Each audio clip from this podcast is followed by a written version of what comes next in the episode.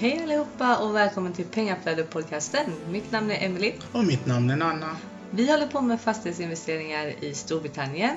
Och den här podden kommer handla om just detta och vi kommer varje vecka ta upp relevanta ämnen och intervjua personer som vi finner inspirerande. Hej! Hej älskling! Välkomna till Pengaflödet-podcasten. Ja, vad ska vi prata om idag? Idag tänkte vi ta upp eh, några sätt att vara kreativ med sina deals. Mm. Och eh, även påpeka några skillnader eh, som är viktiga att tänka på när man skriver kontrakt. Ja, Mm, som kanske folk inte känner till.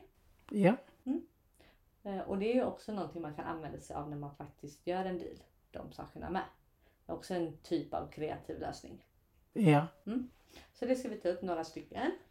Mm. Och eh, den första kan ju du börja med. Vi använder rent to rent till flera grejer faktiskt. Mm. Ett exempel som eh, vi använder det till att betala investerares ränta kan man använda det till, det gör vi. Eh, löpande kostnader. Mm. Vi använder det för att skapa, vet du nu, de pengarna vi lämnar kvar i en deal. Mm. Använder vi det som. Så att då förlorar vi inte. Så när du refinance så blir det inte så mycket pengar du lämnar kvar i dealen eftersom att du får andra intäkter från rent to rent. Så eh, kapitalet stannar på ungefär samma nivå hela tiden. Precis. Mm. Och då kan du ju köra hela tiden eftersom att du har rent to rent. Ja exakt, så använder vi rent to rent. Mm. Och sen så har vi ju lease option Ja. som vi tror på stort framöver. Eh, Vi tror att det kommer eh, komma mycket möjligheter där du kan använda dig av lease option för att och, eh, hjälpa privata landlords till exempel. Ja. Nu när section 24 går igen Mm. mm. och de inte får lov att ta upp räntan som eh, deductible i sin Ja. skattedeklaration. Precis. Det blir lite svenska när man pratar. Ja, ja men så är det. Ja, så då tror vi att det kommer mycket möj- möjligheter med lease option. Mm. Mm. Och lease består ju av tre delar. Ja. Den är väldigt komplex, även om många får det låta väldigt enkelt. Ja. Ge dig inte på dig själv. Ta hjälp av en advokat som verkligen känner till hur en lease går till. Precis. Men den består av, egentligen av tre olika kontrakt. Ja. Mm. En, ett lease agreement, en option to buy och en power of attorney. Så det är viktigt att du har alla tre på plats liksom, och att du tar hjälp av någon som kan de här grejerna. Japp. Eh, Det är inte så enkelt som det kanske låter i alla Mm. lägen. Eller som man ser på Youtube. Ja, exakt. Men eh, du har ju några fördelar med det. Det är ingen stamp duty eftersom du inte är klar med köpet än. Nej. Eh, Du reducerar dina risker Mm. eftersom du inte köper idag och Mm. värdet ökar med tiden. Så reducerar du ju dina risker. Du behöver inget mortgage från dag ett, vilket är bra för overseas investors som har höga räntor kanske. Ja. Mm. Och du behöver ingen deposit för att komma igång med det. Så oftast betalar du bara för själva optionen. Mm. Och självklart kostnaderna till advokater och sådana här och kringkostnader kan vi kalla det. Det finns ingenting som heter no money down, även om de säger det. Det, det kommer, kommer alltid kostnader. Men det är mindre kostnader med lease option. Sen så är det ju väldigt, väldigt viktigt, ska vi säga. Absolut väldigt, väldigt viktigt att du ser till så att säljaren eh, då som du gör en lease option med har consent to let från sin mortgage lender. Mm. Det är jätteviktigt. För till exempel om du tar en fastighet som en lease option som har ett buy to let mortgage på den fastigheten. Då får du lov att ha en hyresgäst. Men om du tar en fastighet som har ett residential mortgage på fastigheten. Då får du inte lov att hyra ut den fastigheten. Nej. Om inte du har consent to let från eh, mortgage-ländern. Precis. Så det är väldigt viktigt att se till att du har det. Och det är sådana här saker som gör att man ska ta hjälp av en advokat. Som kan lease. Exakt, som kan lease. För det finns många advokater som inte kan det. Mm. Men det är en jättemöjlighet. Ja, och den kommer komma nu under oktober och framöver tror vi. Mm. Exakt. Och du behöver inte bara göra det på en liten fastighet. Du kan göra det på stora byggnader. Du kan göra det på land. Du kan göra det på liksom vad som helst. Mm. Säg vad man vill om Donald Trump, men han gjorde det. det var så han byggde hela sitt imperium. Så är det. Så det är en bra grej att eh, känna till. Ja, då har vi ju Bridge. Mm. Och Bridge vet ni som har lyssnat vad det är. Men ni som är nya så kan jag förklara lite kort. Det är ju brygglån. Exakt. Ett väldigt dyrt lån. Mm. Det brukar ligga oftast på en procent i månaden. Runt där. Mm. Vi tänkte köpa ett hus och sen nästa hus tänkte vi använda första huset som säkerhet. För att få ett brygglån ja. Mm. Mm. Och då kan vi lägga ett portföljelån sedan efter när vi är färdiga. Exakt. Vi känner ju folk som har gjort det här. Eh, Och de har ju förklarat det här väldigt tydligt för dig. Ja. Så även om det kanske är lite komplicerat så är ju det en stor möjlighet för oss Ja. att få pengarna att räcka ännu längre och bygga eh, en portfölj ännu snabbare. Mm. Mm. Helt klart. Och vi anser att ni andra bör göra det. Ja, eller i alla fall titta in på det. Om det är Mm. någonting de kan använda sig av. Ja, Om man använder bridge på rätt sätt så kan det vara ett jättebra hjälpmedel. Det är bara att man måste förstå sig på det och vad man kan använda det till. Typ Mm. crossbridge som vi precis förklarar. Så ja, Ja, så det är jätteintressant. Om ni har några frågor så är det bara att mejla iväg dem eh, till oss. Så Mm. svarar Nanna gärna på dem. Han har lite bättre koll än mig på det. Men det är en jättestor möjlighet. ja. Mm, för att få pengarna att räcka till flera köp. Och sen så har ju vi någonting som eh, heter Exchange with Delayed Completion.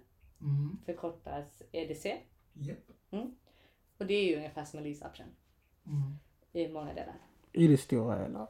Men du måste köpa fastigheten i slutet. Mm. Du måste köpa fastigheten.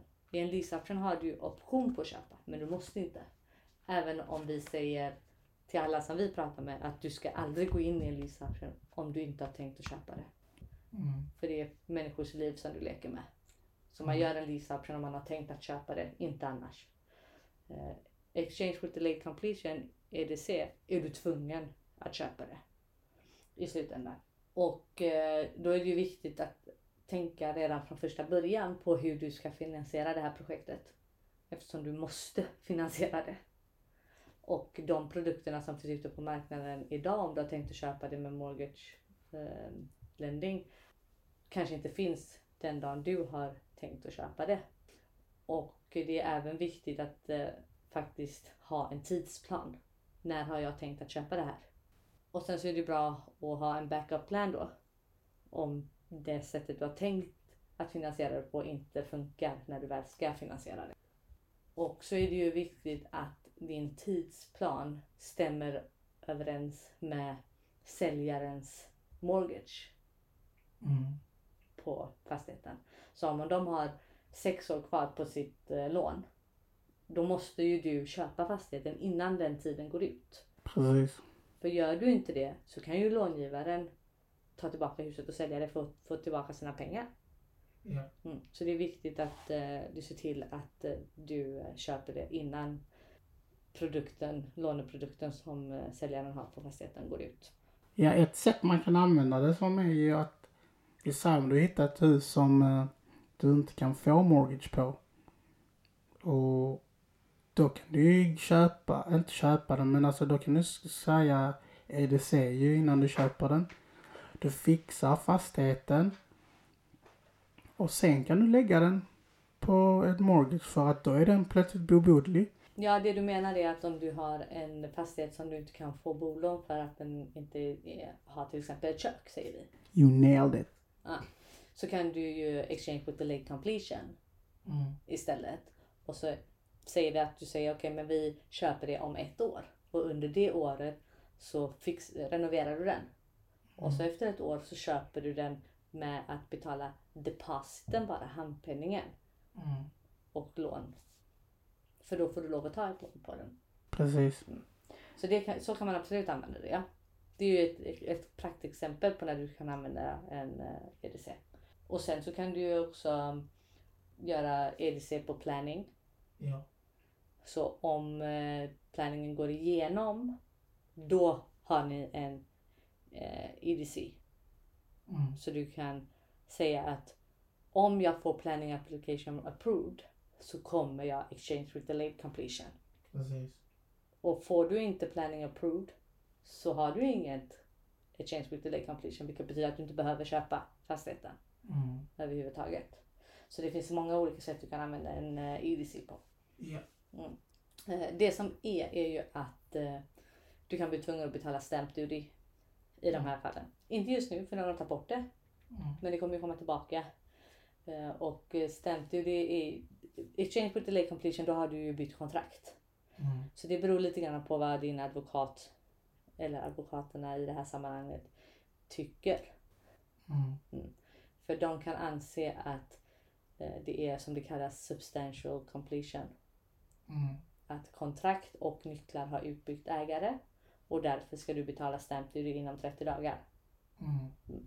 Så det beror lite grann på det, får, det. Men man ska ha med sig att man, även om man kanske inte köper huset eller fastigheten med eh, hela summan man ska betala så kan man ändå bli tvungen att betala stamp duty redan då. Och det är viktigt att ha försäkring. Exakt, vad bra att du sa det. Du äger ju huset. Ja. Mm. Du har ju bytt kontrakt. Mm. Så du äger ju huset och då måste du ha en försäkring på det såklart. För det, är ju, det skadar ju bara dig själv annars. Ja. Sen så tycker ju vi att man ska ha försäkring även på en lease option. Precis. Det är meningen att du ska köpa det huset också. Ja. Och du ska inte ta eh, någon annans ord för eh, dina tillgångar. Nej. Man skyddar sina egna tillgångar. Mm. Så det tycker ju vi eh, också är en bra, ett bra sätt att eh, kunna komma in på marknaden. Och lite kreativa grejer. Och sen eh, så har vi ju då de här eh, små tipsen till kreativa lösningar i sina kontrakt. Som Mm. vi tänkte ta upp också här. Ja. Subject to finance och subject to finance suitable to himself. Det är två helt olika saker. Men många blandar ihop dem och tror att det räcker enbart att du skriver subject to finance. Du menar nu om vi köper ett hus Mm. och vi skriver i vårt kontrakt att ja, det här vi erbjuder er 100 000 pund för det här huset. Subject to finance. Mm.